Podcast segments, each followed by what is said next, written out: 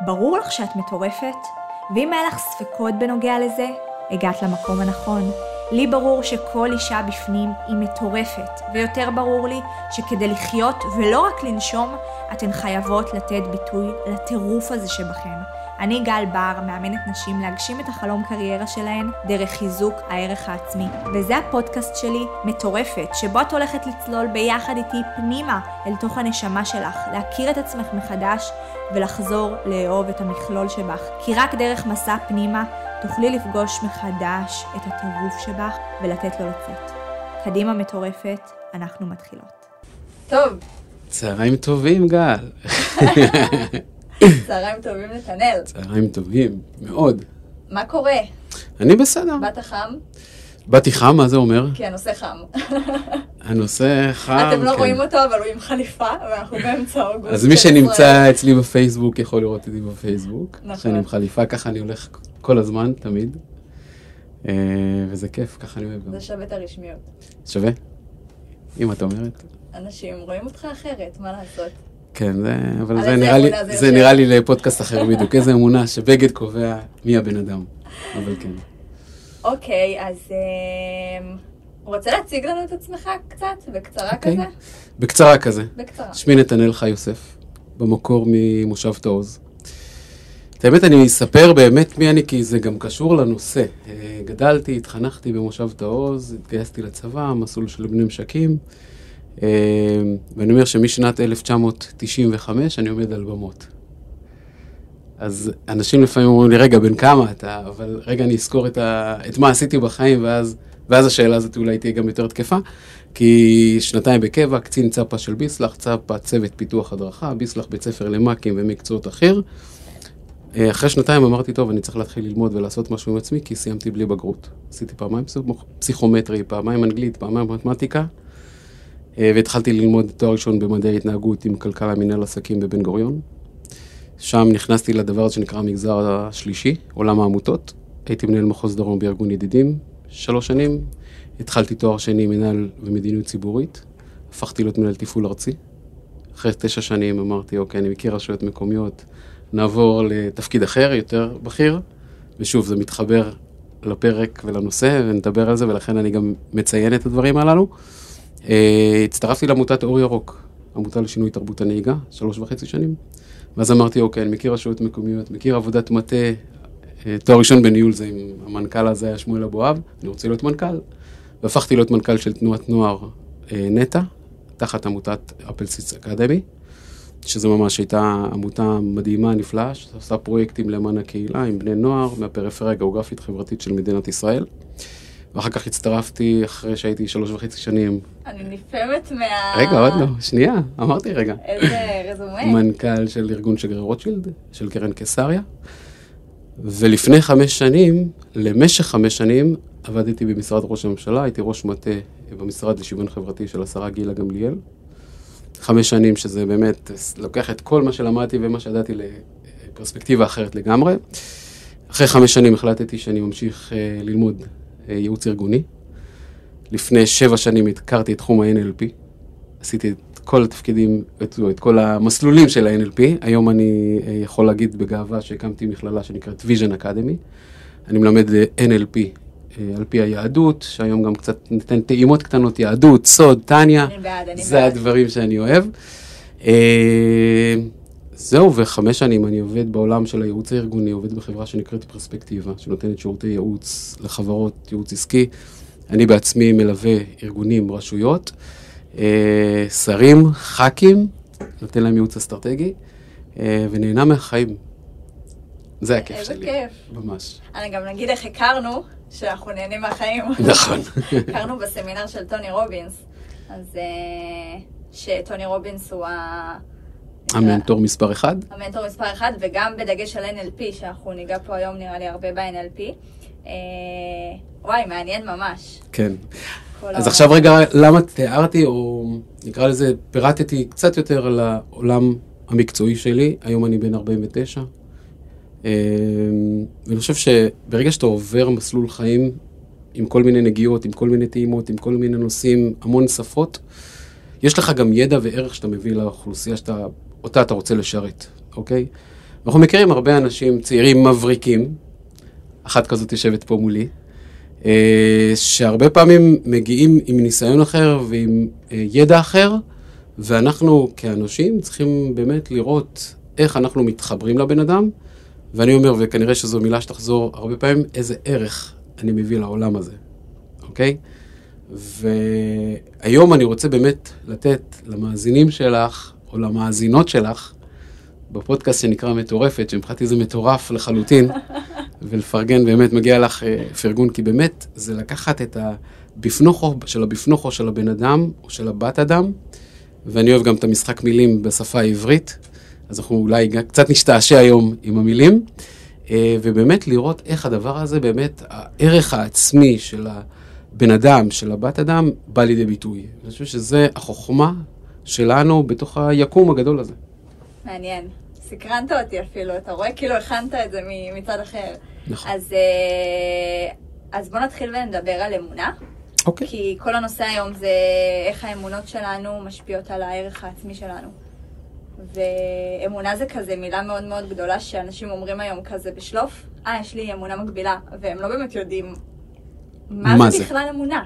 אוקיי. מה זה ה... מה זה אמונה?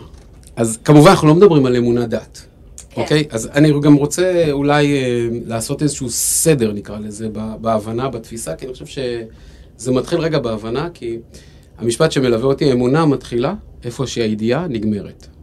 אוקיי. האמונה מתחילה איפה שהידיעה נגמרת. די obvious, אוקיי?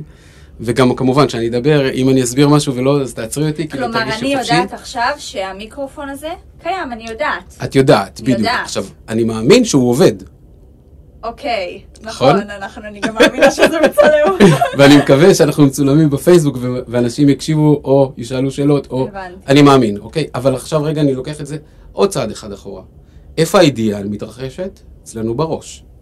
אצלנו במוח. ב-NLP אנחנו באמת אוהבים, ה-N הראשונה, neuro, אוקיי? NLP, מי שלא מכיר, Neuro-Linguistic Programming, ניתוב לשוני פסיכולוגי. איך אנחנו עובדים על התת-מודע, איך אנחנו מנהלים את התת-מודע, כדי להציג תוצאות אפקטיביות. עכשיו, הידיעות, הידיעה שלנו שנמצאת במוח, אז יש את מודל התקשורת שלא ניכנס, אבל כל מה שקורה אצלנו בראש, במוח, מתעצב, על פי פרויד, עד גיל חמש. בסדר? עכשיו, תחשבי, ואני רוצה שזה יהיה מעניין. אה, כן, ובאתי עם דפים ובאתי מוכן, אבל אני... הוא הולך לאמן אותי עכשיו. פרי סטייל. מה הפעולה הראשונה שילד עושה ברגע שהוא נולד? הראשונה ראשונה? הראשונה ראשונה. נראה לי בוכה, לא? יפה מאוד, אוקיי. שתי נקודות. הילד בוכה.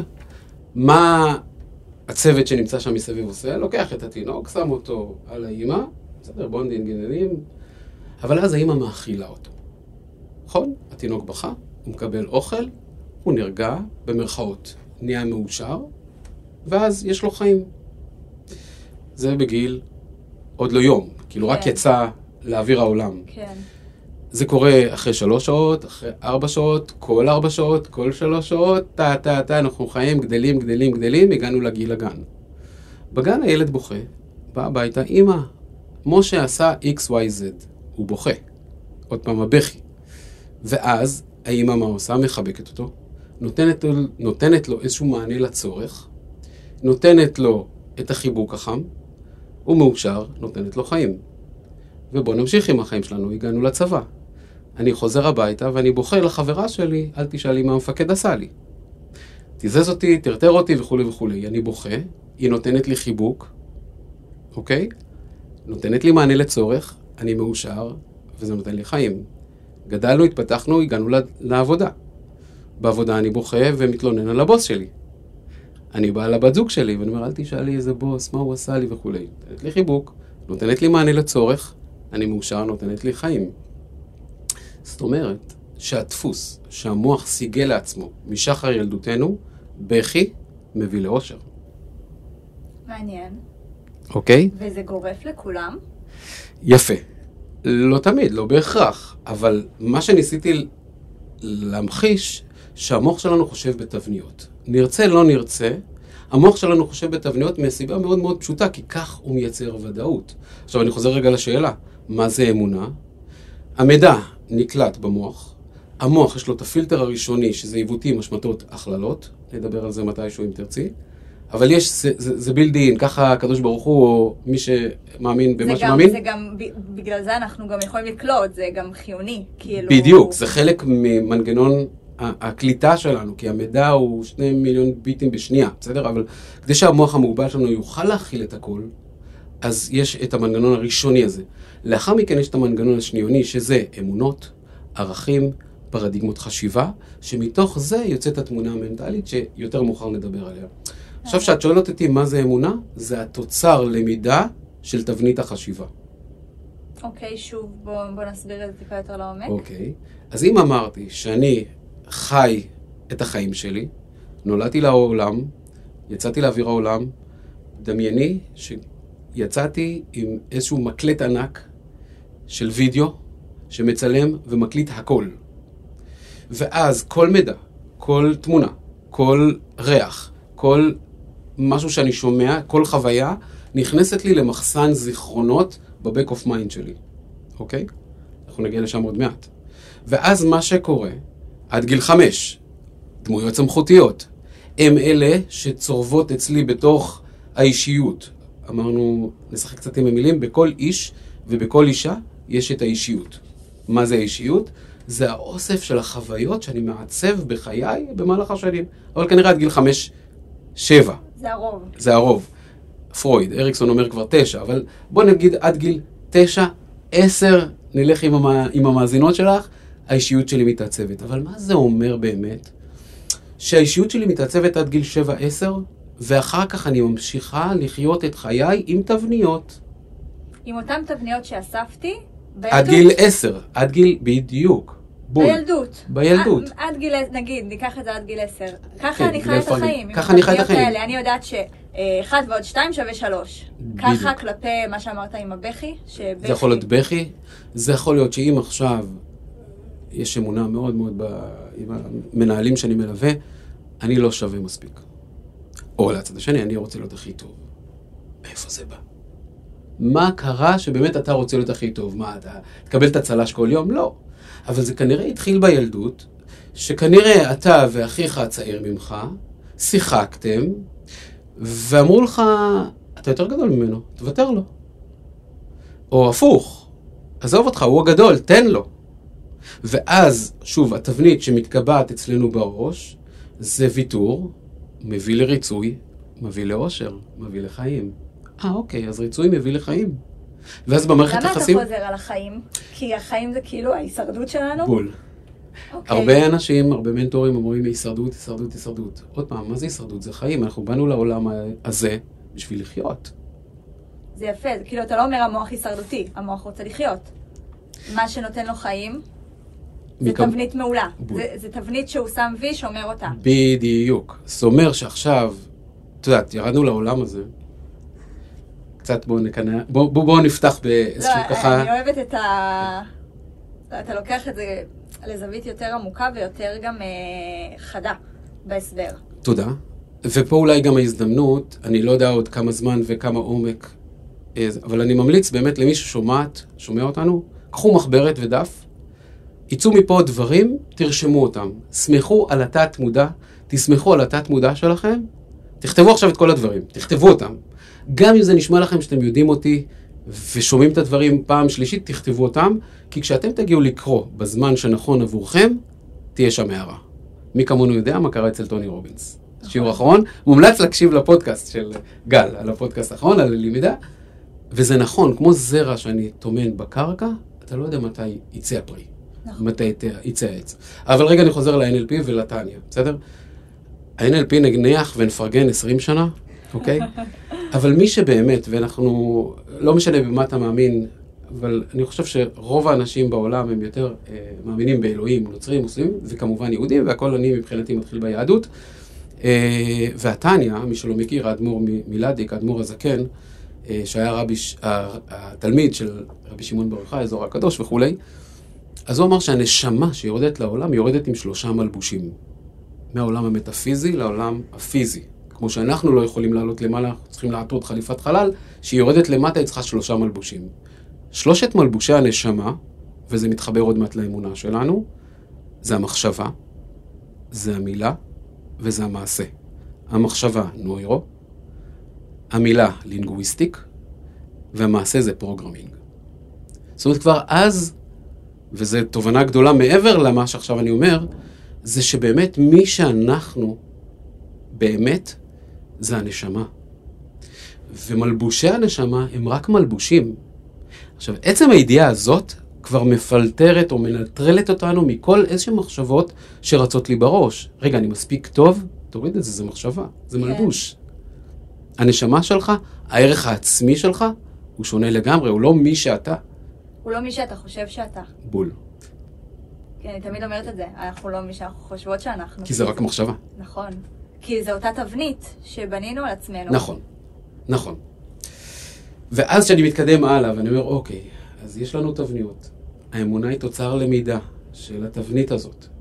אוקיי? עכשיו שאלה, לאן מכאן את רוצה להתקדם? זאת אומרת, אם אפשר להמשיך להתקדם למקום של איך אני מאמין, או איך זה קורה לי בכלל שאני חושב על אמונת מקבילה. כאילו, לצורך העניין, איך אני עכשיו יודעת, אם אני עכשיו אומרת, אה, לא יודעת, משהו, אני מרגישה תקועה בחיים, נכון? זה בדרך כלל מתחיל מהמם, משם. מהמם. ואז, איך אני יודעת באיזה תחומים בחיים מובילה אותי איזושהי אמונה מקבילה, ובאיזה תחומים בחיים אני אמונה מעצימה או אמונה שהיא טובה לי. אוקיי. איך יודעים להבדיל את זה? איך יודעים להפריד את זה? אוקיי, אה, תכף נגיע להבדלה או לזיהוי. אוקיי. בסדר? כאילו בוא נזהה את האמונות, זה מה שאת אומרת. איך אני יודעת לזהות אם האמונה היא מגבילה או מקדמת או מאפשרת. הבנתי שהאמונה זה איזושהי תבנית שנצרבה לי, נכון, שאני הולכת איתה קדימה, אני לא יודעת למה הגרון שלי צרוד, אבל אני אזרום איתו. אוקיי. ואני הולכת איתה קדימה בחיים, ו... ו... ועכשיו איך אני יודעת לשחק עם זה? מצוין. אז בוא, עוד שוב, אני אקח צעד אחד אחורה בשביל שניים קדימה, כי חשוב שהשאלה שלך היא, היא סופר, אה, אה, נקרא לזה, מעמיקה, אבל אני רוצה רגע לקחת צעד אחד אחורה, להבין רגע איפה אנחנו עומדים ברמת האמונות. כי אני רוצה, אה, דיברנו על ההוויה, אוקיי? בכאן ועכשיו. בוא תהיה בכאן ועכשיו. אגב, זה, זה מזכיר לי שאנחנו תמיד בחיים האלה, אה, חיים, אה, יש את העולם המצוי, שאני חיה בו, ויש את העולם הרצוי, שאני רוצה לחיות בו, בסדר? אז קודם כל, הפער בין רצוי למצוי בגימטריה זה כסף, למי שלא יודע. אבל בהגדרה אמיתית, הפער בין רצוי למצוי. אוקיי? זה מצחיק. אבל ב- ב- ב- הפער זה הסבל. הפער גורם לסבל. הפער זה הסבל. הפער זה הסבל שאנחנו כן, חווים. כי אם אני עכשיו רוצה, סתם דוגמא, אני רוצה לשקל 80 קילו, ואני שוקל אה, 120 קילו, ואני לא מצליח להגיע ל-80 קילו, אני בסבל. הסבל, ובזה אני מסיים את העומק של הקטע הזה, כי זה חשוב ברמת ההבנה, זה התנגדות פלוס כאב שווה סבל. עוד פעם, התנגדות פלוס כאב שווה סבל. זה אומר שהסבל שלי, קודם כל זה הכאב פיזי, רגשי, זה לא משנה שיש לי איזשהו כאב, כמה פעמים אנחנו חותכים סלט ופתאום רואים את הדם, איי, וואי, כואב לי. כן. או הולכים ופתאום אני רואה את הרגל נפוחה, מה קרה, ואז, אפרופו תת מודע, אתה טוען שכאב זה פרשנות? ברור, אוקיי, לא, מעניין. ברור. מעניין. אנחנו נדבר עוד, עוד שנייה על התת מודע, וזה חלק מהעניין. זאת אומרת, מה או מי שמייצר את החשיבה, אם דיברנו בהתחלה על חשיבה, דיברנו על שאצלנו במוח, במקום הזה שנקרא ידיעה, יש את המודע ואת הלא מודע. והוא מייצר לי תבניות חשיבה שמלוות אותי לאורך חיי. מה שעכשיו אני מנסה לומר, שאני חושב שאני חושב, אבל זה לא באמת. זאת אומרת, כי אם דיברתי על ההוויה, ובואו נדמה את זה רגע לשיווי משקל. אני רוצה רגע, האמונה כמו שיווי משקל, שזאת התודעה, עוד שנייה אני אגיע לשם. עוד פעם המילה העברית, כשאני שואל אנוכי, או מי אני, זה אנוכי. שאני אנח לעצמי. זאת אומרת שאני עכשיו הולך על איזשהו קרש עץ, אה, ברוחב של אה, עשרה סנטים, אז אני מנסה לשמור על שיווי משקל, אחר כך על חוט דק אני מנסה לשמור על שיווי משקל, בסדר? אם החוט הדק על הרצפה, אין לי בעיה ללכת, אבל אם הוא עולה מספיק חמישה מטר, לא בטוח שלא אני ולא את נעלה לך. ואני בודק את עצמי ביחס לשיווי משקל של עצמי, של האני. אוקיי, זה האנוכי, אוקיי. בסדר? אנוכי. אם אני רוצה לבדוק את עצמי, שזה הצד השני של הסקאלה, שזאת התודעה, והעצמי זה הפנימיות שבי, אני צריך לבדוק את זה ביחס לסביבה. אוקיי? אוקיי. זאת אומרת, השיווי משקל שלי הוא ביחס לעצמי, למקום, לעצמים. להיות, אני יושב על הכיסא, והכיסא כזה יזוז ימינה-שמאלה, אז אני לא מרגיש בנוח, אין לי שיווי משקל עליו. אוקיי. וזה שיווי משקל. בצד השני של הסקאלה יש את התודעה. התודעה נמדדת על פי עצמאיותה, העצמאיות שלי, העצמי שלי, ביחס לאחר. כלומר, כשאני מודדת את עצמי, אני תמיד מודדת ביחס למישהו אחר. בדיוק, וזה הקונפליקט בחיים אוקיי. שלנו. זה, זה, מפה מגיע העניין של כאילו כמה השוואות משפיעות על הערך העצמי גם. בדיוק, זה הקונפליקט. הנה בול הקונפליקט שרציתי להגיע אליו, ועוד מעט נחבר את זה לאמונות. כי אם אני מבין שהחשיבה שלי והמוח שלי הוא מוגבל, אם דיברנו שהמוח שלי עושה אה, הכללות, עיוותים והשמטות, הדבר השני שיהיה לו קל להתמודד הוא השוואות. כי אם עכשיו אני קם בבוקר, וכל בוקר אני צריך לקחת את המברשת שיניים, להסתכל עליה ולהגיד, "אמ, מה אני עושה איתה? רגע, איך אני פותח את המברשת שיניים? זה בעיה. אז אני מבין שאם עשיתי את זה פעם אחת, ואני חוזר על אותה פעולה שוב ושוב ושוב ושוב, אני אקבל את אותה תוצאה, והמוח לומד לעשות את זה. זאת אומרת שאם התבנית הזאת משרתת אותי בילדות, אני המוח ההישרדותי, מוח שרוצה חיים, ממשיך עם אותה פעולה. כדי לקבל את אותה, תוצא, את אותה תוצאה, כי היא משרתת אותי, היא מקדמת אותי. אוקיי? אז אני, המוח שלי עושה כל הזמן השוואות בעצם למה שהיה בעבר, בלי שאנחנו יודעים, בלי שאנחנו מבינים. ככה אני גם מצחצחת השיניים, ככה אני הולכת. ככה אני עושה את הכל. עכשיו, מה הכל. הנקודה? שאני מתחילה לספר לעצמי סיפורים, והסיפור שאני מספרת לעצמי, כפול מספר הפעמים, הוא נהפך לאמת שלי. עוד פעם, הסיפור גם- שאני גם מספרת, אמונה זה בעצם מחשבה שסיפרתי הרבה פעמים. ש- הנה, לשם אנחנו מגיעים. שעברה לאמת. בדיוק. עכשיו, אם אני מספר שאני מגיע לתפקיד חדש, אז אני צריך קודם כל לשנות משהו, בדרך כלל זה מה שרוב המנהלים עושים, אני מגיע מנהל חדש, תוך חודש, אני רוצה להראות שאני כאן. בום, משנה. אני עכשיו פותח עסק חדש, אני רוצה להיות הייחודי בשוק, ואז אני ממציא איזושהי המצאה של איזשהו מודל, ואני רוצה להיות הייחודי בשוק. מי אמר שזה מה שצריך לעשות? לא, כי האמונה אומרת, אם אתה לא תביא ערך, אתה לא תהיה רלוונטי, אתה לא תהיה ייחודי, לא יקנו ממך. אבל מי אמר את זה? אז נגיד אם אני עכשיו אישה, כן. ואני אומרת לעצמי, אני רוצה להיות. אה, בדיוק שמעתי את זה ממישהי לפני איזה שבועיים, אני רוצה להיות הכי מיוחדת, להביא איזה משהו חדש ב- ב- בעולם, מישהי שעושה microblading. אוקיי. והסתכלתי מהצד ואמרתי לעצמי, קודם כל זה מזכיר לי את עצמי שלפני שנה, ושחררתי אותה, תודה. אבל למה? מאיזה אמונה זה נובע? מה היה, מה יושב לה באמונה בראש, בתבנית, שזה מה שמוביל אותה? שזה גם חיובי וגם שלילי, כי זה יכול להביא אותה לדברים מאוד חדשניים, אבל זה גם יכול נכון. להגביל אותה. אז, אז, אז, אז הנה החלק, אה. אנחנו מתחילים לצלול, כן, אנחנו מתחילים לצלול מה זה, עכשיו אחרי שהבנו מה זה אמונה, בואו נבין איזה אמונות קיימות. יש אמונות שהן שקופות, ויש אמונות שורש. אוקיי. עוד פעם, נלך אחורה. בואו נבין שנייה מה זה אומר הלא מודע הזה, או מה זה התת מודע, כולם מדברים עליו, צריך להבין רגע איך הוא עובד. יש לו שלושה מישורים של עבודה, או שלושה צירי פעולה, אני קורא לזה של עבודה. אחד, ובואו נחבר את זה ליהדות, בשביל זה אנחנו כאן, יש פסוק בספר משלי, שלמה המלך אומר בחוכמתו, כמים הפנים לפנים, כן לב האדם לאדם. מה אומר הפסוק? חלק הראשון די ברור, כמים הפנים לפנים, כשאני מסתכל על בבוע של מים, אני רואה רק את עצמי. נכון? כמים הפנים לפנים. מה אומר החלק השני, כן לב האדם לאדם? שאני יושב עכשיו מולך. אז פירוש ראשון, כן לב האדם לאדם. אם אני יושב מולך, וואו, הסיטואציה מלחיצה אותי, את העצמי שלי, זה לא את מלחיצה אותי, זה אני לחוץ בעצמי. כן לב האדם לאדם. פירוש אחד. פירוש שני, פירוש שני שהזולת מהווה מראה עבורי למה שקורה אצלי בתוכי. זאת אומרת, זה לא רק אני עצמי, אלא הזולת, הבן אדם, הוא המראה עבורי לכל ההתנהלות. זאת אומרת, שהפנימיות שבי היא, התהודה לחיצוניות שאני פוגש מולי. שזה מעניין, אני רוצה להתעכב על זה. גם אה, ש... אני כבר הרבה זמן עוסקת בנושא הזה, אוקיי? ואני שמעתי מישהי שאומרת את זה ממש יפה, אומרת, אלוהים כל כך חכם, שהוא אמר, האדם לא הצליח להסתכל על עצמו בנקודות דווקא החלשות, הכואבות, הנקודות האלה שאנחנו לא אוהבים להגיד, כן, אני, אה, אה, כמו שהיה לנו בסמינר של טוני רובינס, שעבדנו על אמונות מגבילות, ואמרתי לך, אני, אני יודעת שאני, אני לא אגיד עכשיו, אבל אני יודעת ש, שזה זה. קשה לנו להסתכל על עצמנו ככה במקומות החלשים. היותר, נכון. ו... והוא היה כל כך חכם שהוא אמר, נשקף להם את זה דרך אנשים אחרים. זה אפרופו בני זוג, עזר כנגדו.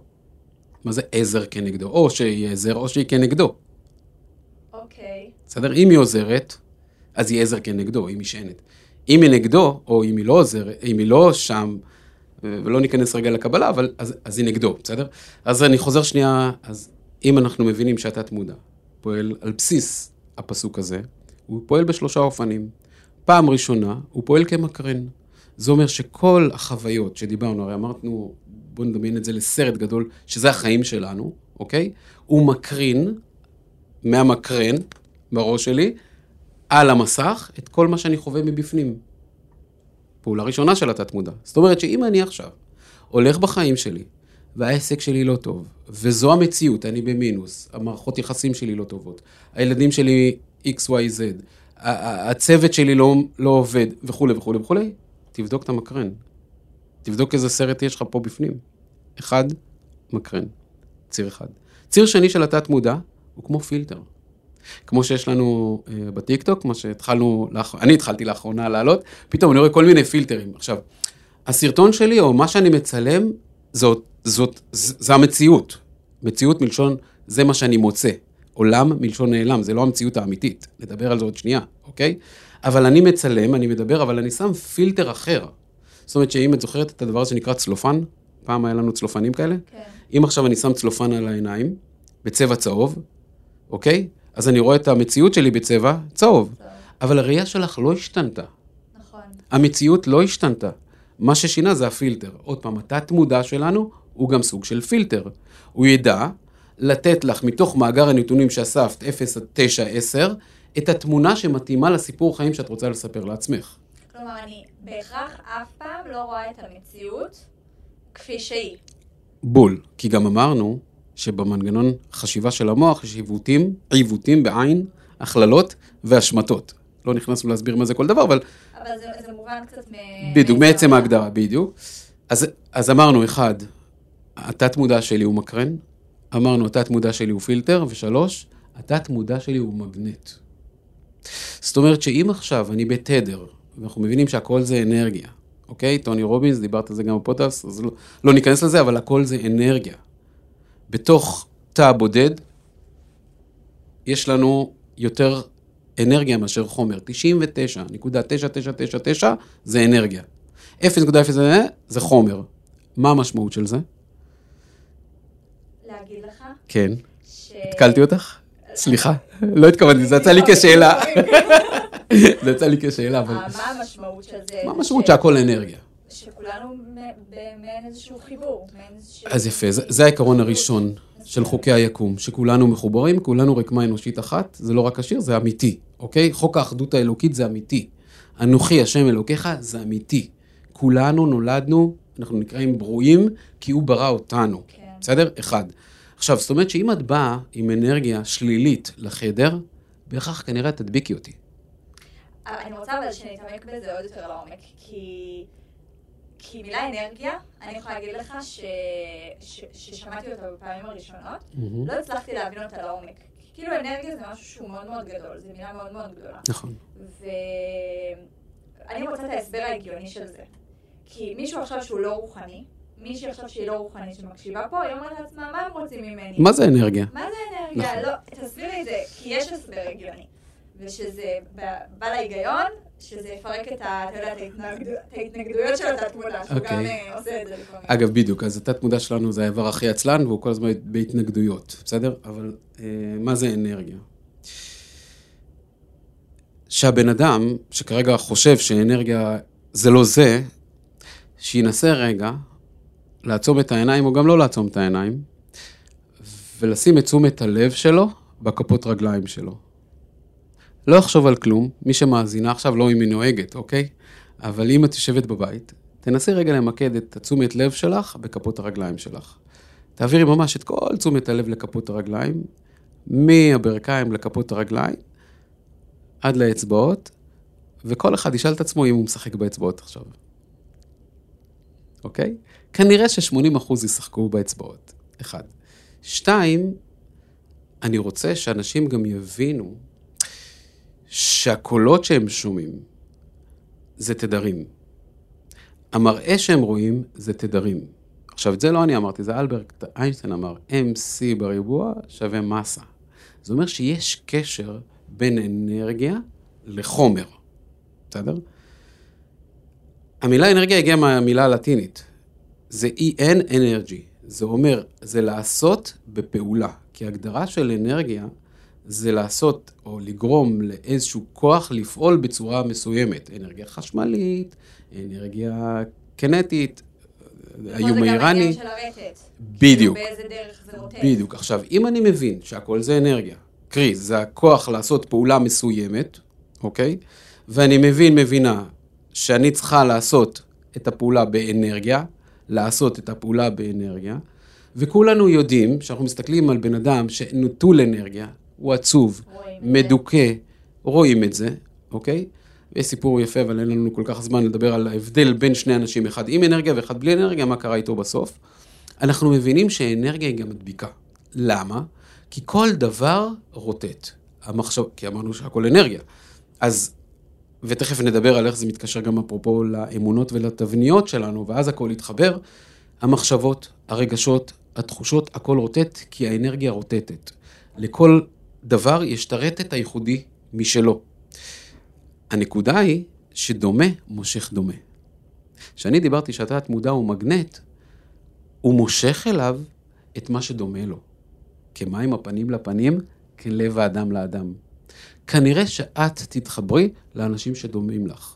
את תאהבי להיות עם אנשים שדומים לך. שכל אחד עכשיו, אפרופו חסרי, נקרא לזה, תודעה אנרגטית, תנסו לחשוב מי האנשים מסביבכם אה, שאתם אוהבים לצאת איתם לשתות את הקפה. וכל בן אדם הוא ממוצע של חמשת האנשים שקרובים אליו, בכל תחום בחיים. במשקל, במצב הפיננסי וכולי וכולי. תבדקו מי חמישה אנשים שקרובים לכם ואתם הממוצע שלהם. והאנרגיה היא זו שמבטאת את הלך הרוח שאיתה אתם באים לכל מקום ומקום, אוקיי? אז דיברנו על המודעות ודיברנו על תודעה, שזה שני אנשים, שני נושאים שונים או דברים שונים, אבל ברגע שאני מגיע עם תודעה אנרגטית, ואני מבין שאני משפיע, ואני רוטט, ואני מושך דברים שרוטטים אליי, שזה חשוב להגיד את זה. כלומר, כל השיחה פה היא כאילו מגיל 0 עד, אה, מגיל 0 עד 10 נקבע- נקבעו הרבה מאוד דברים, אבל זה לא ככה, כאילו, אנחנו יכולים לשנות את זה ואנחנו יכולים לעשות עבודה על זה. ונכון, זה מלשון עבודה, כי זה באמת עבודה. זה כמו שאומרים שזוגיות זה עבודה. נכון. זוגיות זה גם כיף, אבל זה גם עבודה. אה, זה פעולה. להצליח בחיים זה כיף, אבל נכון. זה גם עבודה. נכון. כלומר, גם להעמיק בעצמנו ולשחרר דפוסים ותבניות, זה עבודה, אבל זה כיף, כי זה, זה נותן כל כך הרבה לחיים שלנו, שזה שווה באמת, אני השקעתי בעצמי הרבה כסף, נראה לי גם אתה, זה שווה את ההשקעה הזאת יותר ממש. מכל דבר אחר. אז זהו, זה חלק, אני מסכים עם כל מילה שלך, כי הוא, אמרנו, אנרגיה זה לעשות בפעולה, זה, ואני קורא לך עם האמת שלך.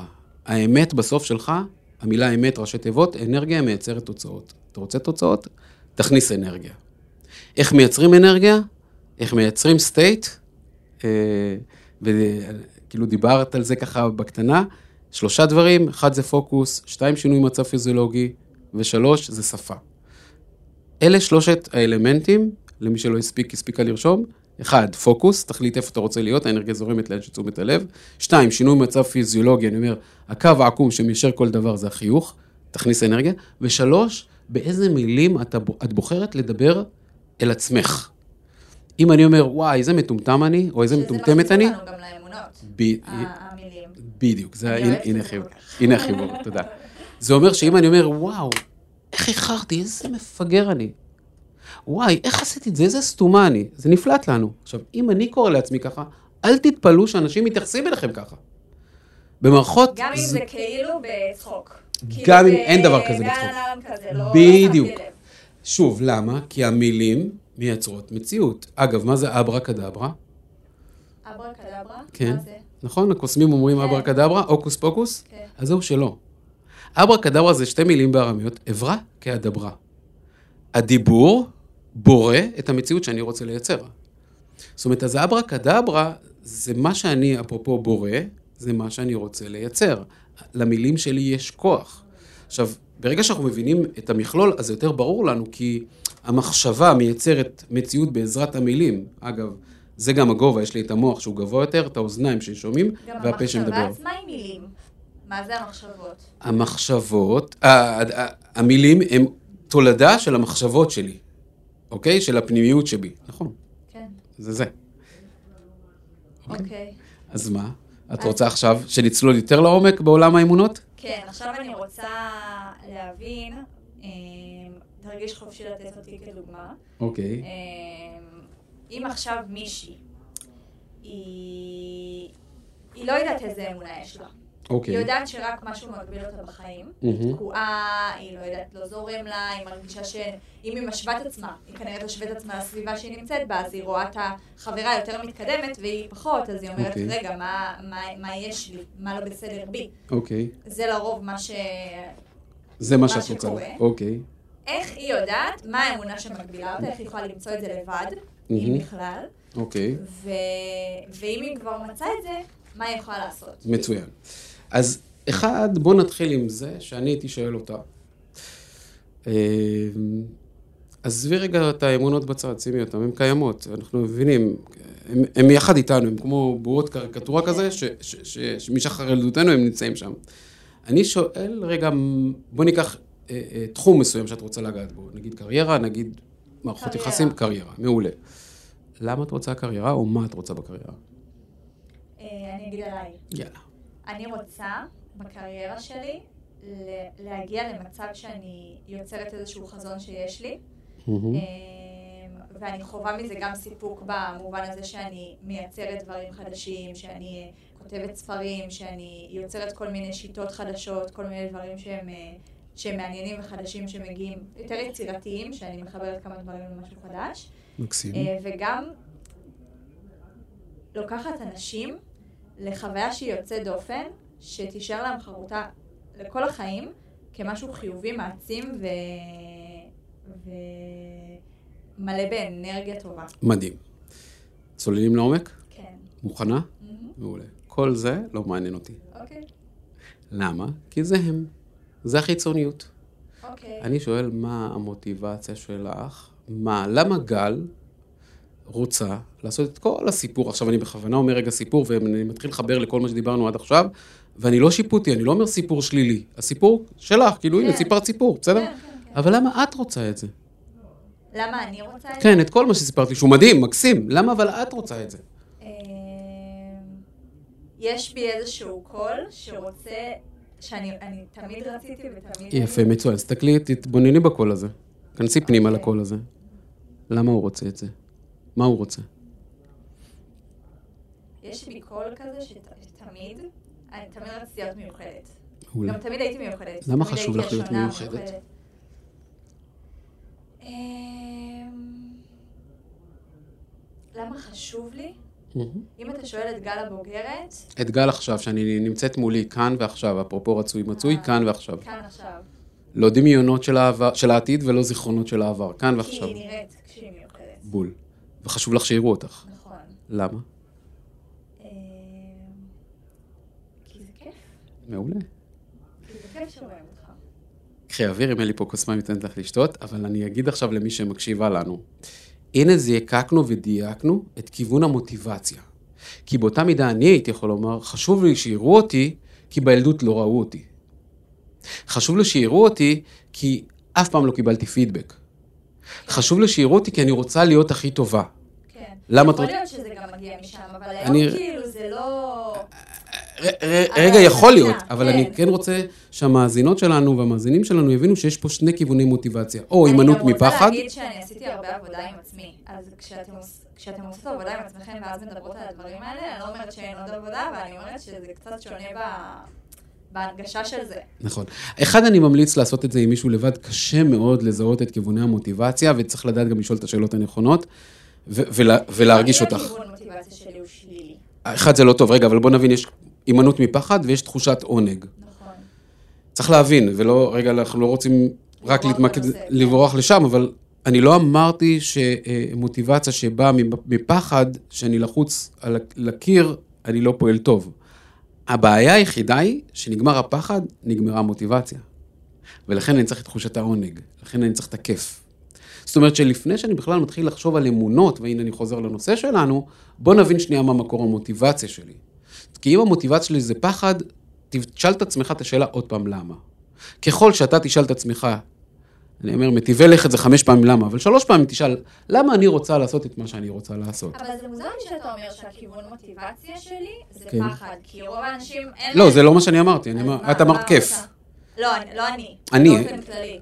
אה, לא, לא, לא, לא, זה יכול אז רגע, אני אה, אה, אדייק. יש שני כיווני מוטיבציה, אוקיי? לפעמים המוטיבציה היא פחד, או המוטיבציה היא סיפוק, עונג וכולי. או. לפה או לפה, בדיוק. אני צריכה לבחון את עצמי, אני רוצה עכשיו לפתוח עסק, ובואו ניתן רגע את הדוגמה הזאת. אני עומד עכשיו מול המראה, ואני אומר, אוקיי, אני בן 40 ו... אה, כמו שאמרתי, לפני חמש שנים, אז אני הייתי בן אה, 40, 43, כזה 44, אוקיי? ואמרתי, טוב, יאללה, בוא נפתח עסק. מה שקורה, המצלמת וידאו הענקית הזאת שדיברתי עליה, חוזרת אחורה, ועכשיו היא שואלת, אני שואל את עצמי, את העצמיות שלי, למה אתה רוצה לפתוח עסק? ואז אני אומר, אני רוצה להצליח. ואז הוא נכנס לתוך מאגר המחסן הנתונים, ומתחיל לחפש search כזה, צ'אט GPT כזה, את כל הסיטואציות שרצית להצליח, והאם הצלחת. אוקיי. ואז פתאום אתה שומע את האבא שלך ואומר לך, לך על זה. ואת, ואת האימא אומרת, רגע, אבל אולי זה לא הזמן. ואת הסבתא אומרת, רגע, כסף לא גדל על העצים. רגע, ואז כל העסק הזה, זאת האמונות, או אלה האמונות שמתחילות לצייר לנו את הדרך שלנו. אז או שאני לוקח את השדונים האלה ומעיף אותם, עוד שנייה נדבר על זה, או שזה מה שקובע את ציר המסלול שלי ואומר, אה, נכון, אבא שלי צדק שאני צריך לעבוד קשה בשביל להרוויח כסף, אז בוא נישאר שכירים, כי זה קבוע, זה ודאי, אף אחד לא, לא יפגע בנו. הקטע ש, שאני רוצה לשים עליו דגש, זה שכשזה מגיע הרגע הזה, כן. ומגיעות המחשבות האלו. כי זה בא כתצורה של המחשבות. נכון. לא, לא אומרים, אה, זה האמונה. זה פשוט מחשבות שרצות, אנחנו מקשיבות להן, ואז אנחנו אומרות, נכון, כאילו זה נכון. גם אם זה נראה לנו שזה לא נכון, אנחנו הולכות עם זה, אנחנו כאילו מאמינות בזה שזה האמת, ואנחנו אומרות, אוקיי, המוח שלי, שהוא אני, כאילו בתוכי, נכון. אמר לי עכשיו דברים, הזהיר אותי, המליץ לי, לא משנה מה הוא אמר, זה היה בתוכי, אני מקשיבה לעצמי, וזאת האמת, כי מה, אני לא אקשיב לעצמי? אז הנה התרגיל הראשון, למי שרוצה להתנסות. ספרי איזשהו סיפור שאת רוצה לעצמך, על דייט לא מוצלח, על אה, אה, רעיון מדהים שהיה לך, ועל איזשהו פרויקט חדש שאת רוצה לעשות, בסדר? תכתבי על דף. תקראי את זה אחרי שתכתבי דף, חצי דף, כמה מזה זה מחשבות, ואיך אני יודע לזהות מחשבה, כי זה משהו שיפוטי, וכמה זה עובדות, אמיתיות. ואז תשאלי את עצמך, האם זה באמת האמת? ברגע שאת אומרת, אולי זאת לא האמת, את מזהה שזאת אמונה. ב- בדיוק. והנה הדבר הראשון, יש שישה שלבים, אוקיי? קודם כל, בוא נאתר את האמונה, אם זה העכשווית או המקבילה. אם זה האמונה המאפשרת או המצמיחה, אוקיי? או שקופה. תכתוב, ותגיד, אוקיי, האמונה שאני מאמינה, תני לי אמונה עכשיו בנושא העסק, אחרי שהבנו את כיוון המוטיבציה, אה, אמונה מקבילה אתה רוצה? מה שבא לך. אה, אני מצליחנית. אני מצליחנית, אוקיי. אז אני מצליחנית, זאת האמונה. אבל כדי שנוכל לעבוד עם אמונה, את רוצה, אפשר להעצים אותה כמובן, אבל כדי שמאזינות, את רוצה להישאר באמונה מעצימה, אני מצליחנית? או שאת אוקיי, רוצה אז לקחת אמונה מקבילה ונראה איך פותרים אותה? אני לא מעניינת. אני לא מעניינת, מעולה. אז זה האמונה. עכשיו בואי תספרי את הסיפור, איפה את מרגישה שאת לא מעניינת בעסק שלך. אוקיי. אה, אז אני אקח משהו אחר שהוא יותר רלוונטי אליי. אוקיי. סתם שלפתי משהו. אה, בואי נמציא משהו אם אני מעניינת. אני רוצה להיות הכי טובה. אני לא טובה מספיק. יאללה, לא טובה. בסדר? מספיק, יאללה. כן. אני לא טובה מספיק. זה תמיד טוב. זה תמיד טוב, בדיוק. כי בסוף בסוף, אגב, זה מגיע לשם. כי. כולנו רוצות- אתה יודע מה? אני לא ראויה. אני לא... או, לא וואי ראויה. וואי. בוא ניקח את זה יותר... מעולה, יותר עמוק. אני בדיוק בעבודה על זה, אגב. מדהים, אז אני, זה יחבר לנו גם בסוף, אפרופו ערך עצמי, אני לא ראויה, וזה יתחבר לשם, זה מצוין. אז ההנחה או האמונה שאיתה אנחנו רוצים לעבוד, אני לא ראויה מספיק, מספיק. אוקיי? אה, ואז, השלב השני, אז זה השלב הראשון. השלב השני, אמרנו שישה שלבים. השלב השני זה בו באמת אה, נתחיל להטיל ספק, כמו שאמרת באמונה. עכשיו, איך מטילים ספק? זה פשוט, פשוט, לשים סימן שאלה. אני לא ראויה מספיק. סימן שאלה? עכשיו, חזרנו לסיפור שאת מספרת, או לדף שכתבת. כן, קמתי בבוקר, הלכתי לפודקאסט, הלכתי להקליט, ואמרתי, מי אני שאני אעביר מידע לכמה אה, מקשיבות מאזינות יש לנו לפודקאסט ה... עכשיו לא יודעת כמה יש. אבל... אחרון. בערך אלף. אלף, אוקיי? מי אני שאלף נשים, ואולי גם כמה גברים, עשרה גברים בודדים שאני מתוכם, יקשיבו לי. מי אני? ואז אני אומר, רגע, מה זה מי אני? סימן שאלה. ולמה שהם לא יקשיבו? סימן שאלה. ואז אני אומרת לעצמי, ואני ממשיך רגע אה, אה, להקריא את המחשבות שרצות לך מעל הראש, אולי אני לא אה, מספיק בוגרת, ועוד פעם סימן, בוגרת? כן, אני לא למדתי מספיק. למדת מספיק? עכשיו תשימי, רגע, קאט, זהו בסיטואציה. כל פעם אני שם סימן שאלה, אני לא צריך להבין יותר מדי איך מייצרים ספקנות, פשוט תשימי כן. סימן שאלה במקום סימן קריאה. ואני רוצה להגיד לכם שזה זה יפה שהעלינו את זה, כי אני יכולה להגיד לכם שלפני שאני הוצאתי את הפודקאסט הזה, היו לי מחשבות. מה, אולי צעירה מדי? אה, מה- מי את בכלל שתוציאי פודקאסט? מה עכשיו פודקאסט? אה, מעולה. אין לי זמן, גם זה כל מיני אמונות כאלה שהן קצת יותר קטנות, אבל באופן כללי, כאילו, זה ישב על זה. ובכל זאת עשיתי את זה, כי יש לי את הכלים לאמן את עצמי, להטיל ספק במחשבות שלי. כלומר, אני היום יודעת להפריד. מצוין, הנה את לוקחת אותנו לשלב השלישי. אני רק רוצה, אני אומרת להם את זה, כי כן. אני רוצה להעביר להם שזה אפשרי. זה אה, אפשרי או, להשתמש בזה, כי זה אני- פרקטי וזה יישומי וזה רגע, מציל חיים. רגע, אני מסכים, אני רק רוצה, אני הולך לכל הספקנים, בסדר? או ספקניות. אז אני מנטרלת להם את ה mind שאומר להם איזה... בדיוק, אז אני רוצה רגע להסביר את מה שאת עשית, אוקיי? אם אני מבינה היום, אני מקשיבה לגל, ואוקיי, זה נשמע לי מאוד מעניין לדבר על דפוסי התנהגות ועל אמונות מגבילות, כי אני מרגישה שאני תקועה בחיים שלי, בסדר? אז השלב הראשון שדיברנו עליו זה איזה חיים את רוצה. הרבה אנשים לא מבינים או לא יודעים להגדיר בכלל מה הם רוצים. הם יודעים להגדיר מה הם לא רוצים, בסדר? אז זה סרט אחד שדיברנו עליו. דבר שני, אוקיי, אני בוחרת לעצמי את החיים שאני רוצה, או בהירה עם עצמי איזה חיים אני רוצה לייצר, או איזה עסק אני רוצה ליצור, ואז אני שואלת איזה אמונות מגבילות יש לי לגבי אותו דבר, אותו נושא שאני רוצה לעשות. ואז אני כותבת את האמונות המקבילות. וזה השלב הראשון. מתוך האמונות המקבילות האלה הוצאנו את האמונת, אני קראתי לזה שורש. בסדר? אנחנו אמ- הלכ- הלכנו מהר, אבל כנראה הסיפור שלנו יהיה כל מיני אמונות, כל מיני אמונות, ולכן כדאי ללכת למישהו שיודע לנטרל או יודע לפלטר את האמונת שורש, בסדר? מתוך האמונת שורש, והנה השלב השלישי, וזה מה שאמרת, בוא נתחיל לזנוח את האמונה הזאת. בוא נתחיל להטיל את הספק הזה, מתוך הטלת הספק, אני לאט לאט, כמו הנחש שמשיל לתורו, לאט לאט זה מתחיל להשיל. לאט לאט אני מטילה ספק באמונה, ואז אני זונחת את האמונה הזאת. זאת אומרת, כשאני זונחת את, ה, את האמונה, אז אני צריכה להבין שרגע, במקום האמונה הזאת שנכנסת לאיזשהו מאגר האמונות, מחסן האמונות, אני צריכה להתחיל לייצר אמונה חדשה. אוקיי? כי אם אני מוציאה את הרע, אני צריכה ישר להכניס טוב. כי אז נשאר כאילו ריק. בדיוק. נשאר שם משהו ריק. ומשהו ריק חייב. להתמלא. אגב, מאיפה זה בא? אם כבר אנחנו אה, עוסקים ב... מאמינה שמהתורה. שהאחים של יוסף זרקו אותו לתוך הבור, כתוב הבור ריק, אין בו מים. רש"י אומר, ריק אין בו מים, נכון, אבל נחשים ועקרבים היו בו.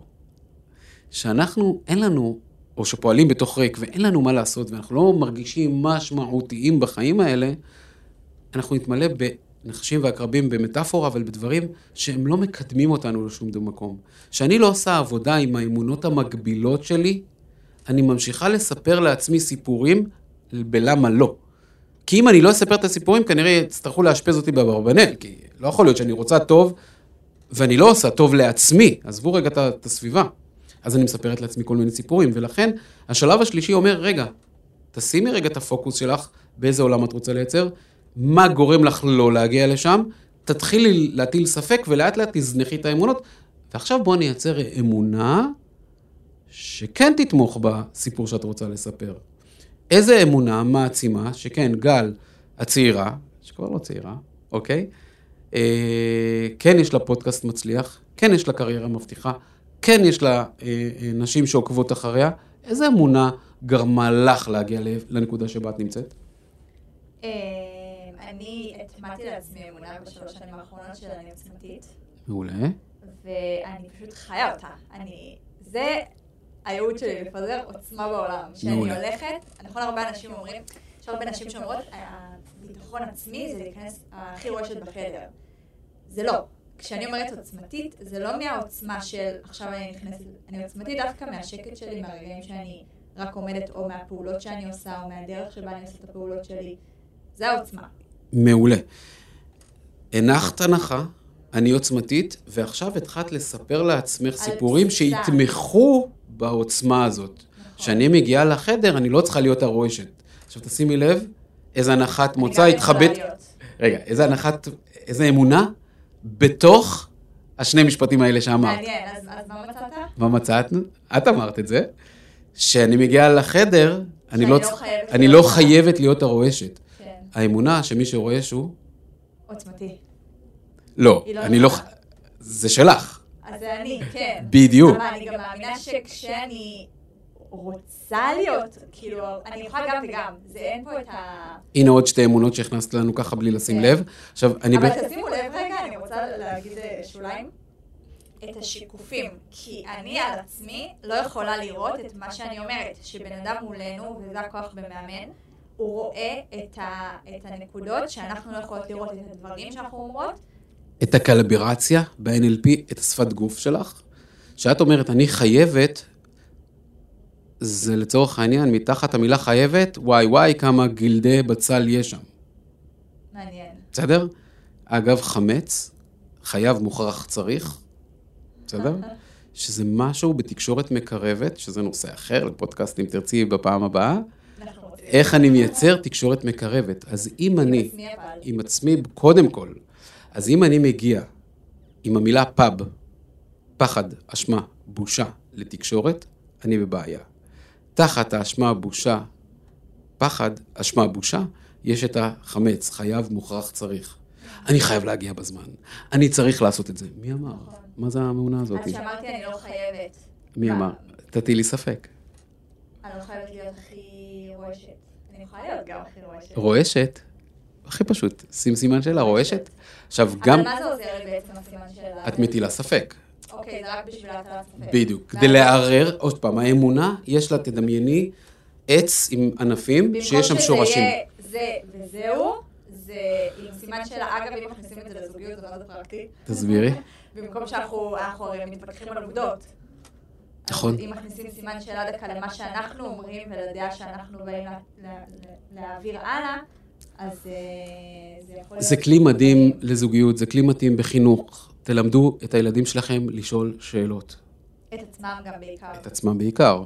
לא לפחד, גם אם אין תשובה, תשאלו שאלות. יש גוגל, ברוך השם היום, לא צריך אה, בריטניקה לנוער כמו שהייתה לנו, או אנציקלופדיה עברית שמילאה לנו שני מדפים, יש שם גוגל. תשאלו שאלות, אני אוהב תמיד לשבת עם הילדים, עם המשפחה, תשאלו שאלות, כי זה פותח, זה סקרנות, זה יצירתיות.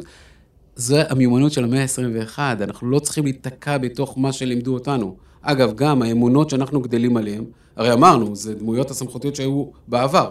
אז מה זה אומר? שאנחנו שעתוק, העתק, העתק הדבק של הדמויות מהעבר?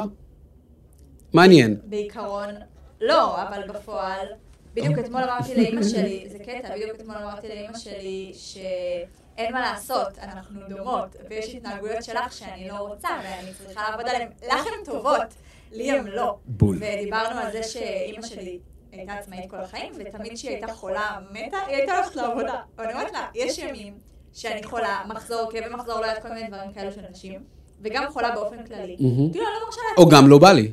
או גם לא בא לי, אני לא מרשה לעצמי, כי האימא שפה, שגם כשהיא הייתה חולה מתה יצאה לעבוד, כאילו מי אני ש...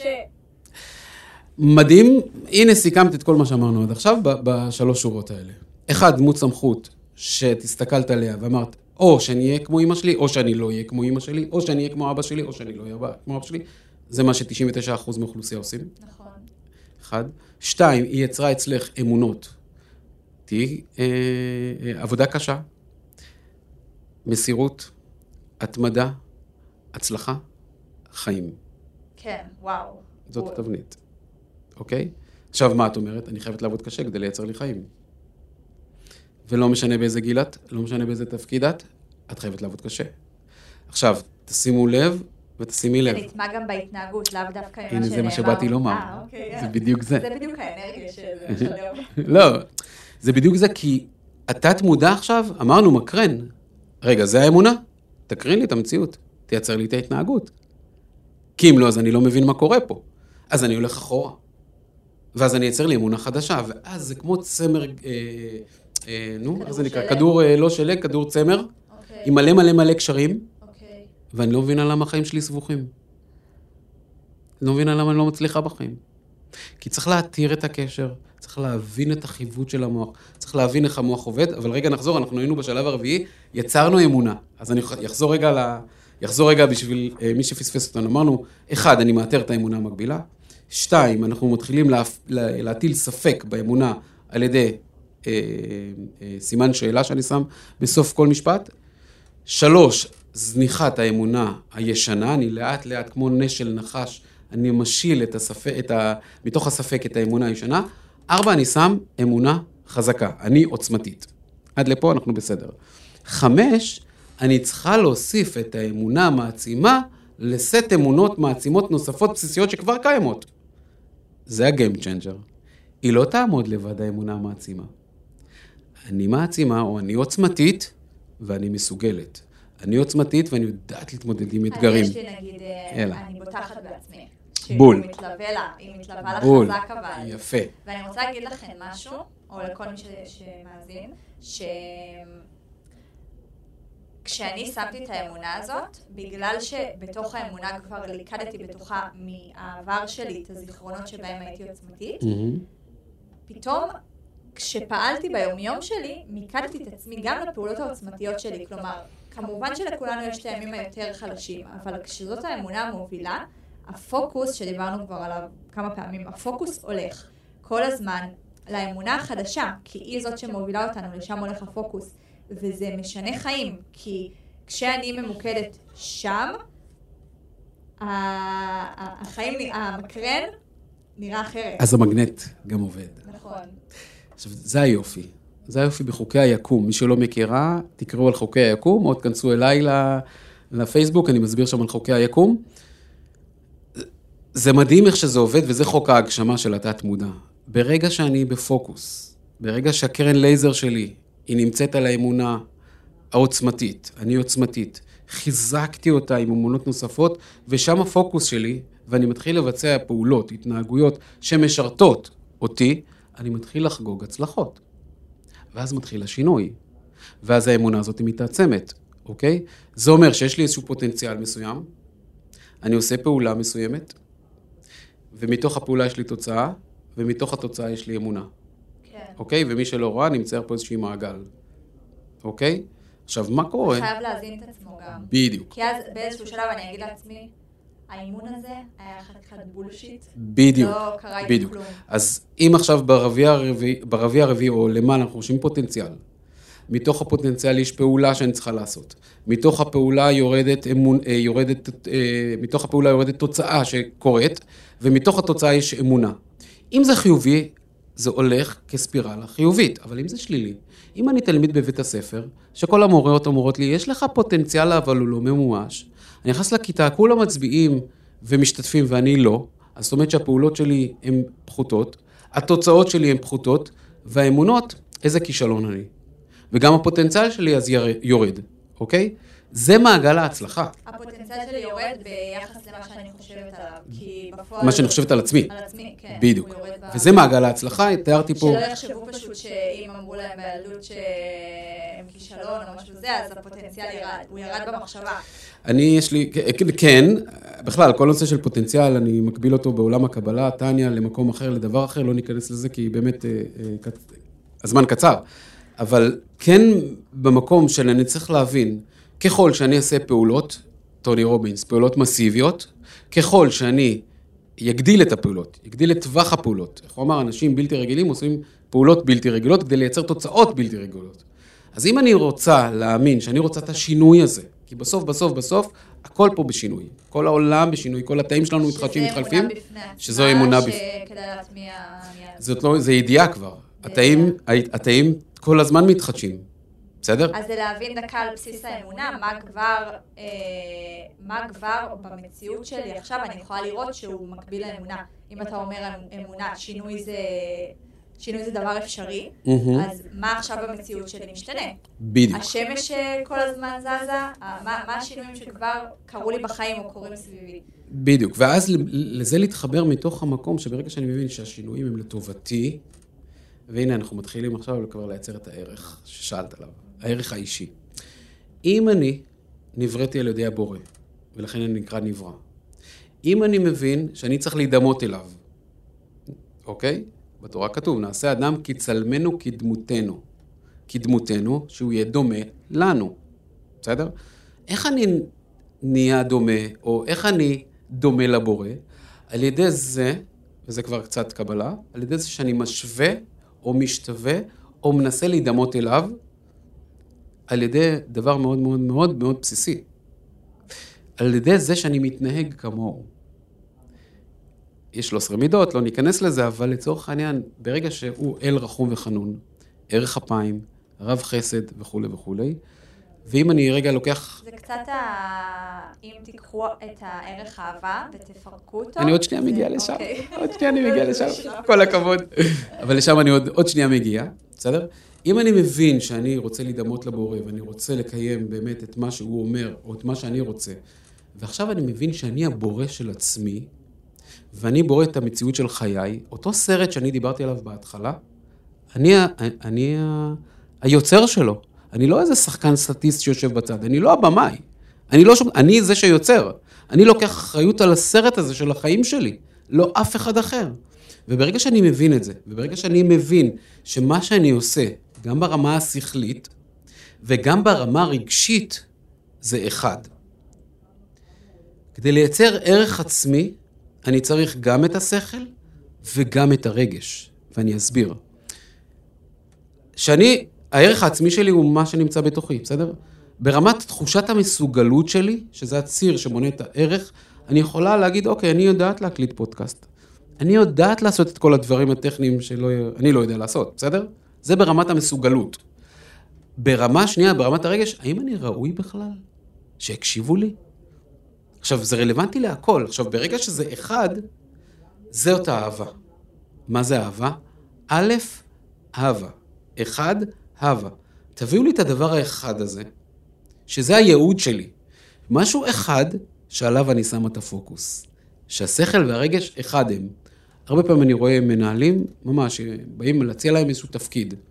גדול יותר, מורכב יותר. במסוגלות, מחר הוא יכול לעשות את זה. אבל יש משהו בפנים שאומר, אולי אני לא מספיק טוב, אני לא ראויה. אולי זה לא מתאים כי יש לי ילדים, כי זה לא הזמן, עד שהילדים יגדלו, לא, עכשיו אני צריכה פה, ו... ועוד כל מיני סיפורים, אמונות, שאנחנו מספרים לעצמנו. וזה למה? כי הערך העצמי שלי הוא לא חזק מספיק. ואז שם נדרשת העבודה. ושם העבודה. אני יכולה להגיד שבאיך שאני עובדת, אני עובדת גם על המסוגלות, כי המסוגלות משפיעה גם על הערך העצמי. כלומר, כשאני נכון. מוכיחה לעצמי כמה פעמים שאני מסוגלת, ומסוגלת, ומסוגלת, ומסוגלת, אוטומטית מה קורה? אני כבר בוטחת בעצמי שאני מסוגלת, מסוגלת לעשות לעשות. דברים שהם מחוץ לאזור נוחות, שהם מפחידים אותי, אני כבר יודעת שאני אמיצה. נכון. אני כבר יודעת. בדיוק. אבל איפה הפרדוקס שדיברתי עליו גם בהתחלה, והנה אנחנו אה, ככה מתחילים לסכם אותו? שאנחנו נמדדים על סמך התוצאות שלנו. כמה פודקאסטים, כמה צופים, כמה לייקים, זה התוצאות, בסדר? העולם מודד את עצמו על סמך תוצאות, אבל האדם, הוא לא מודד את עצמו על סמך תוצאות. הוא אמור למדוד את עצמו, את ההצלחה שלו, על סמך הערך העצמי. וזה הפרדוקס. שאני עכשיו מסתכל על עצמי, אני לא בוחן את עצמי ביחס לסביבה. אני לא בוחן את עצמי ביחס לכמות לייקים, אני לא בוחן את עצמי ביחס לפידבקים והחיוכים שאני מקבל. גם פה בפודקאסט הזה, באמת, לא אכפת לי, במרכאות לא אכפת, בסדר? כמה אנשים יאהבו את מה שאני אומר. אני מאמין במה שאני אומר, או מה שאני עושה. אני יודע שאני נותן ערך, גם אם זה לבן אדם אחד, אני פה all in. עכשיו, מתוך זה שהערך העצמי שלי הוא מספיק חזק, טוב, אני יודע מה שאני עושה, אני זונח את כל התוצאות. לא מעניין אותי כמה יצפו, כמה יקשיבו לי. זה בדיוק כמו אותו שחקן כדורסל, שעומד על, הב... על הקו עונשין בבאזר, והוא צריך לקלוע. אם הוא היה מספיק טוב והתאמן מספיק, מי שלא ראה את הסרט של מייקל ג'ורדן שיראה, הוא היה מתאמן, גם שהמחסני היה סוגר את האור, הוא היה נשאר באולם וזורק בחושך. היה. אז אין שום סיבה שאם הוא קלע בחושך, הוא לא יקלע באור. וזה מה שאני אומר לאנשים. שהערך העצמי שלך הוא חזק, זה לא משנה מה הסביבה בחוץ תגיד. כי יש לך center חזק. וכשאתה הולך עם האמת שלך, האנרגיה מייצרת, מייצרת תוצאות, לא משנה לך מה הסביבה תגיד. אני גם רוצה להגיד, ניקח, לא ראיתי את הסרט, אבל אני רוצה להקביל דקה, נגיד והוא היה בתוך האולם הריק, והוא היה מנסה לקלוע, והוא אומר לעצמו, אתה לא טוב מספיק, אתה לוזר, זה, זה לא יצא טוב במשחק, והיה מתחיל לספר לעצמו את כל הסיפורים האלה. כנראה שהוא היה מגיע גם, האימון לא היה מספיק אפקטיבי, ואז הוא היה גם מגיע למשחק עם כל הערעורים האלו. אבל אנחנו לא ראינו מה עבר לו בתוך הראש, אבל בגלל שהוא בן אדם מאוד מצליחן, אז אני... עכשיו, זה חלק מעניין, יש המון המון, בדרך כלל את יודעת שלא מזמן אה, נבחרת הצעירה של ישראל הצליחה. ובפנדלים, את רואה איזה שחקן ניגש ויבקיע גול, ואיזה שחקן ניגש וכנראה לא יבקיע גול. עכשיו, קל לנו ללכת לעולם הספורט כי אנחנו רואים את זה ומדברים על הכוח המנטלי, אבל גם כל בן אדם, אם אני עכשיו בעל עסק, מגיע לפגישה עסקית, אם אני מגיע עם האנרגיה, עם האנרגיה שאני סוחף, עם האנרגיה, וזה אפרופו רגע מתחבר עוד פעם לליווי, אם אני מגיע עם, ה, עם ה setting הזה, שאומר, אני באתי לתת לך ערך, אין שום סיבה שהצד השני לא יקבל, כי זה ה setting. כן. אוקיי? אבל אם אני מגיע כזה חצי, והשפת גוף שלי ככה לא זורמת כמו שצריך, ואני מגמגם, ואני לא יודע מה לומר, וכבר מזמן זנחתי את הדפים, כי כתבתי, אבל אני מדבר על מה שבא לי, כי, כי זה הזרימה, זה ה flow. כן. אגב, וזה האנרגיה. כשבן אדם חי את התשוקה של החיים שלו, יש שלושה דברים שקורים. אחד, הזמן עובר מהר. שתיים, כל פעולה, לצורך העניין, יש פלואו, זה באנרגיה. ושלוש, אנשים מתפעלים ממה שאתה עושה. אז כל אחת ששומעת, תנסה לבחון אם הייעוד שלה, אם מה שהיא עושה, אחד, שהיא עושה את זה, הזמן טס לה, שתיים, זה ממלא אותה באנרגיה, ושלוש, אנשים מתפעלים ממה שהיא עושה. וארבע, מה את חושבת על עצמך? מה עובר לך בראש לגבי עצמך כשאת עושה את הדבר, כשאת עושה כל דבר בחיים? כי ערך עצמי, וזה קצת משהו ש... אגב, ביטויים, הרבה אנשים לא יודעים את הפרשנות של המילים. כלומר, הם אומרים מילה והם לא יודעים בכלל מה, מה היא אומרת, כמו אמונה. אז גם ערך עצמי זה הערך שאני בוחרת לשים, זה את, זה, זה אני. זה אני, בדיוק. אם זה היה ערך חיצוני, אז זה איך שאנשים אחרים מעריכים אותי. אבל זה אני, אני בוחרת כל יום. אני מה זה שמח שאמרת את זה, כי, כי אנשים לא מבינים גם מה זה ערך עצמי. המילה ערך זה ה-value, זה השווי. עצמי, בעצמי. זה ערך של העצמי, שאני נותנת עליו בדיוק כמו שאמרת, בעצמי, ולא על ידי הסביבה, אוקיי? זה מתחבר, וככה זה, למודל שפיתחתי, למודל נתנאל. מודל נתנאל זה מודל שהוא איזושהי שיטה שפיתחתי על סמך השלושה עשורים האחרונים שאני מלווה, מדריך וכולי, אנשים, מנכ"לים, שרים, ח"כים, איך אנחנו מנהלים את התת-מודע, מהעולם הניהולי של התת-מודע. והמילה נתנאל זה פשוט השיטה, נון זה ניסוח תמונת עתיד מדויקת וברורה, דיברנו על זה קצת בקצרה. ת' זה תכנון מנטלי, זה מה אני, או איך אני עובד עם המנטלי, עם המוח, עם החשיבה, גם כן דיברנו בקטנה. הנון השנייה זה הניהול האישי שלי, איך אני מנהל את עצמי, לוקח את המטרות, לוקח את התוצאות ומפרק אותן עד לרמת ה outlook. א', זה אקולוגיה רגשית, לא נגענו פה יותר מדי ברגשות, אבל לרגשות יש תפקיד מאוד מאוד ברור, זה להעביר את המסרים מהתת מודע אל המודע. והלמד זה למידה וחוויית הצלחה. כי כנראה שאם את עשית איזשהו עסק מצליח, ואני רוצה, וגם את דיברת על modeling באחד הפודקאסטים, אם מישהו אחד הצליח, כנראה שכולם יכולים להצליח, גם אני יכול להצליח. אז בואו נלמד מזה. וזה המודל שממש מתאר ב-26 סרטונים של 8-9 דקות כל סרטון, איך אני באמת יכול לחוות הצלחה, איך אני יכול לקחת כל דבר שאני רוצה בחיים שלי ולהצליח בו. אז נסכם בזה. את אחראית. יאללה, אז נהנינו. וואי, כן, היה טוב? כאילו, אתה מדויק, אתה אדם מדויק. תודה, תודה, תודה. נהניתי מאוד. היה לי כיף. היה לי כיף.